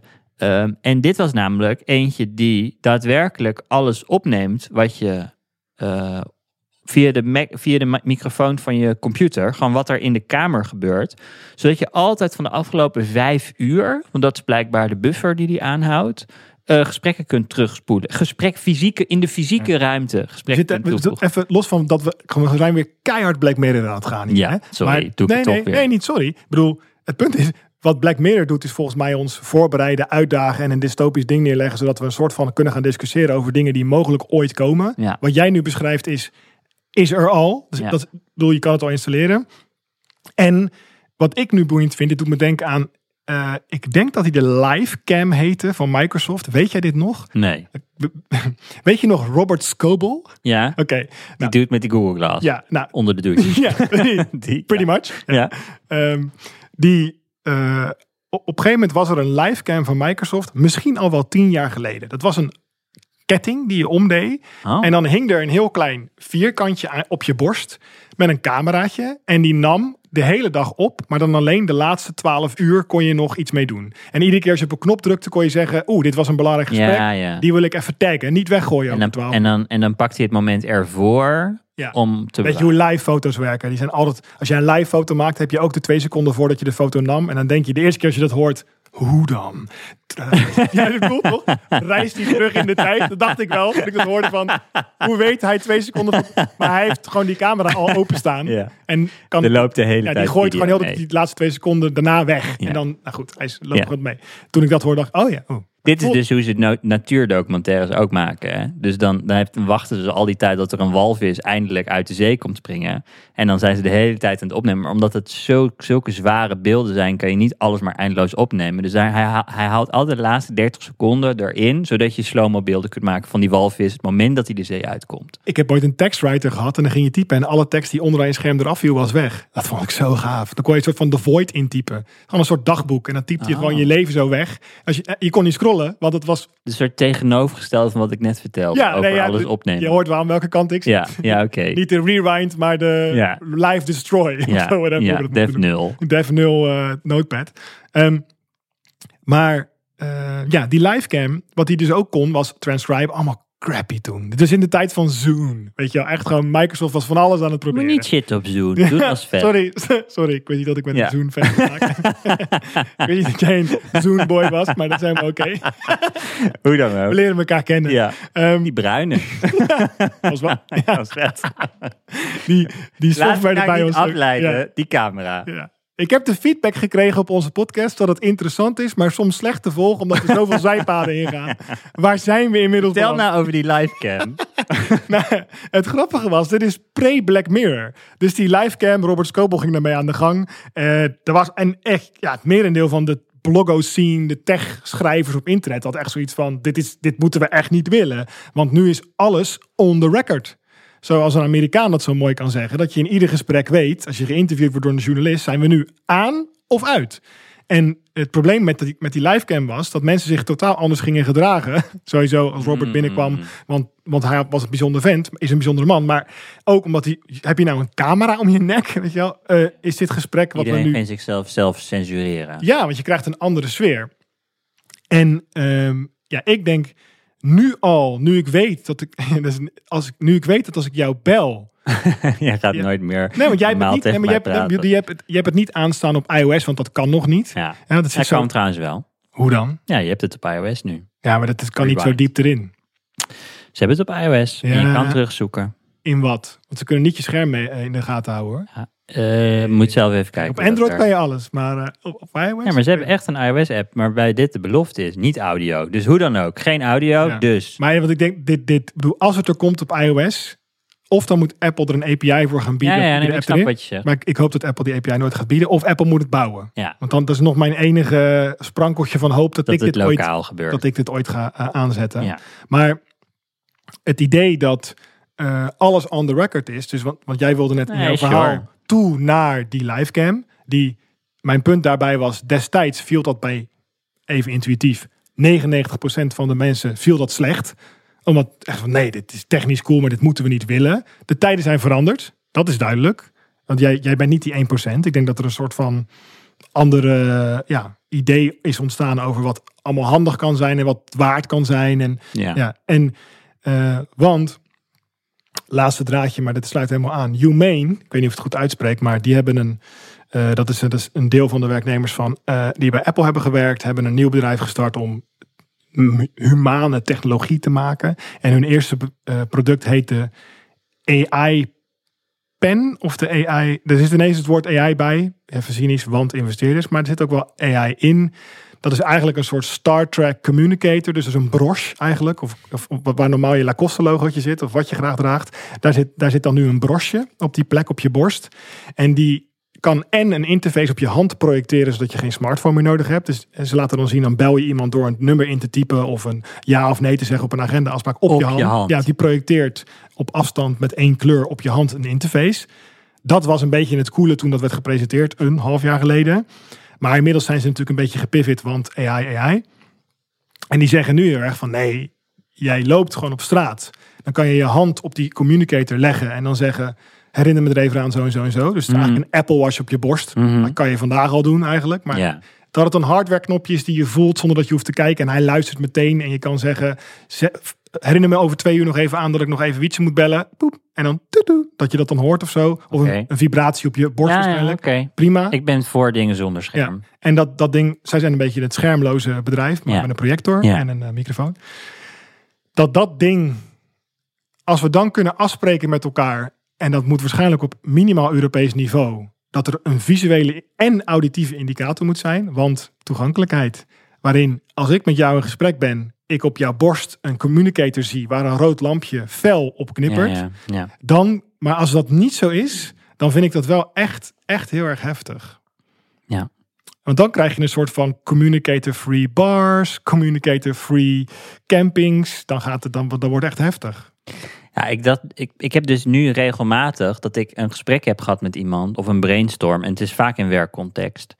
Eh, sowieso brainstorm ik meestal in werkcontext. Om, en in de snackbar.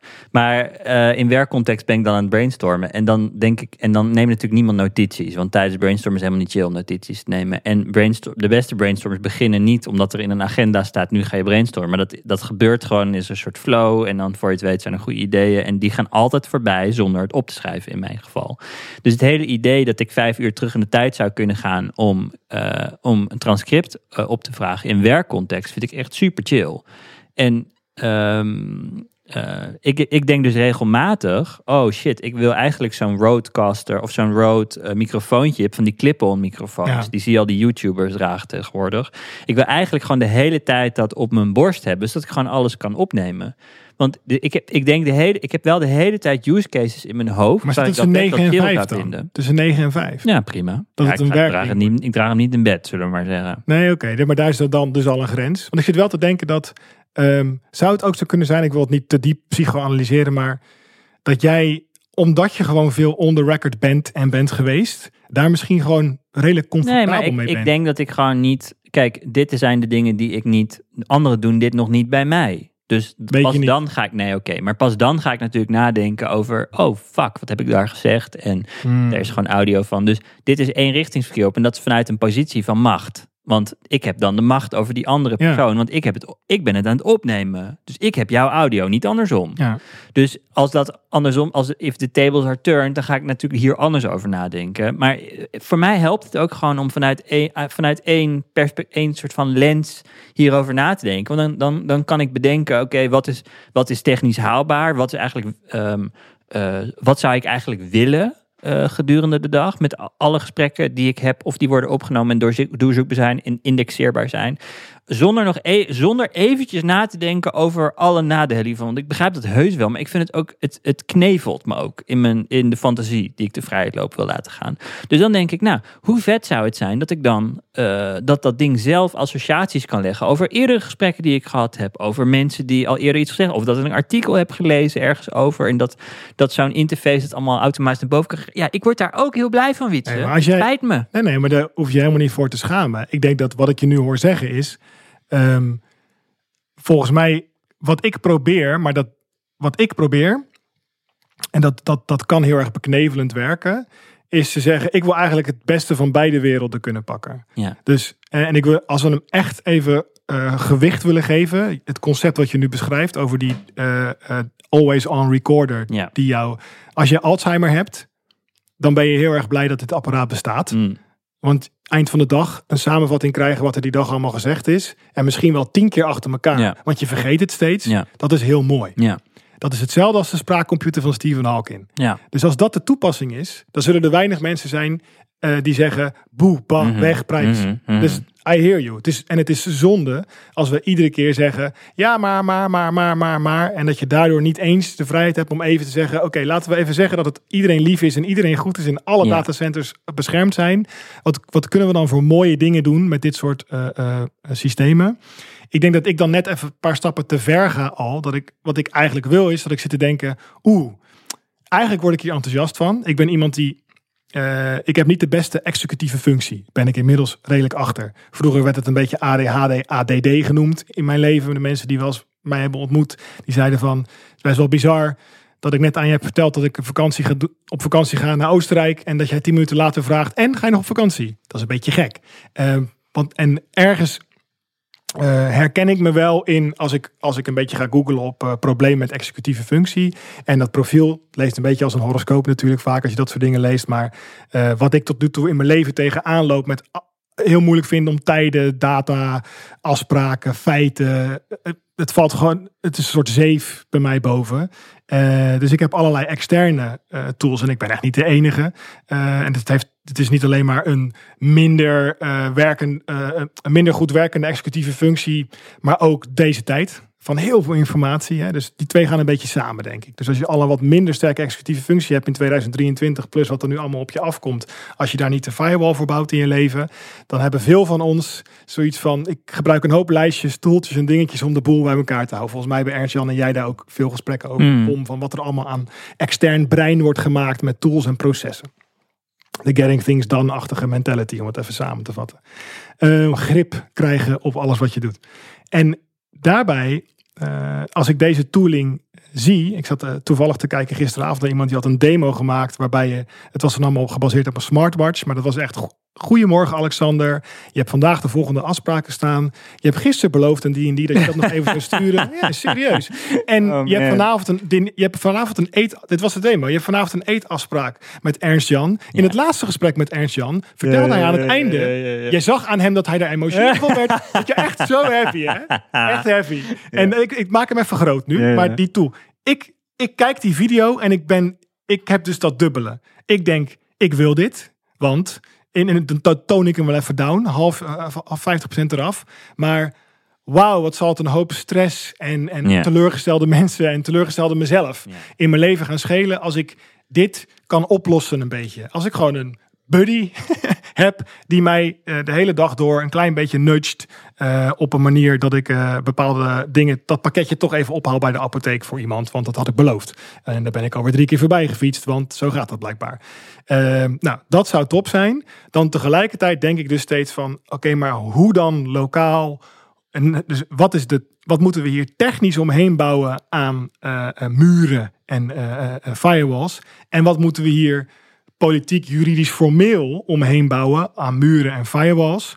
Zodat, we, zodat het gaat lukken Mm. om dit wel eh, op een, dat, we, dat, dat we een beetje die best, beste van beide wereld, of dat we weten wat, de, wat we ervoor betalen. Niet alleen maar financieel, maar op allerlei andere manieren.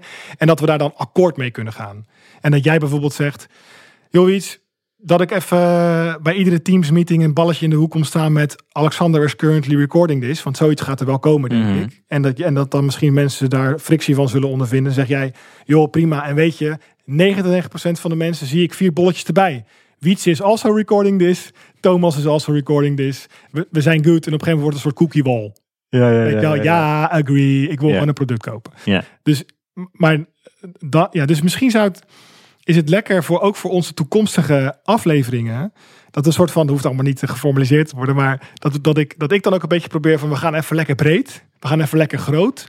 En dan kom ik daar met de hamer. Ja, want ik, Het is wel zonde ergens, toch? Als het steeds. ja, ja ja. dat snap ik. Want en, en, en ik voel natuurlijk ook aan dat, er, dat dat niet een wereld is waar ik in wil leven. Maar we moeten het wel eerst ons proberen voor te stellen voordat we het gaan afranselen. Want ik zag zo'n videootje waarbij dit ook direct duidelijk is. Een videootje van een beveiligingscamera in een coffeeshop. Waarin, heb je dit gezien? Waarin dan, dan zie je zeg maar voor de toonbank en achter de toonbank in één wide shot. Dus je ziet de barista's werken en je ziet de klanten lopen door de winkel. Die klanten worden allemaal geïdentificeerd als klanten. En die barista's worden allemaal geïdentificeerd met gezichtsherkenning als barista's. En dan wordt vervolgens de hele tijd bijgehouden hoeveel tijd zij idle doorbrengen. Oftewel, hoeveel tijd zijn zij niks aan het doen. En dan zie je dus eh, rechtsboven in het hokje wat er om hun hoofd staat, hun gezicht staat, zie je dan de tijd van alle mensen die daar aan het werk zijn, die ze niet productief zijn zijn. En je ziet dus van de klanten hoeveel geld zij in, het, in de, in de eh, totaal hebben uitgegeven in die, eh, in die winkel. Dus iedereen, allebei hebben een waarde. een negatieve en een positieve waarde. En ja, zeg maar, zo'n videootje is gelijk. Je weet dat het technisch kan. Eh, je, weet dat er vanuit bedrijven behoefte gaat zijn om dit soort shit te, te runnen. Dat je in een supermarkt, moet je voorstellen, je supermarktmanager bent en dat je dan een camera bij de ingang van de winkel hebt hangen. En dat je dan gewoon de bedragen boven de hoofden kan zien, zwerven, eh, zien zweven. Van, ja, natuurlijk wil je als supermarktmanager wil je dat.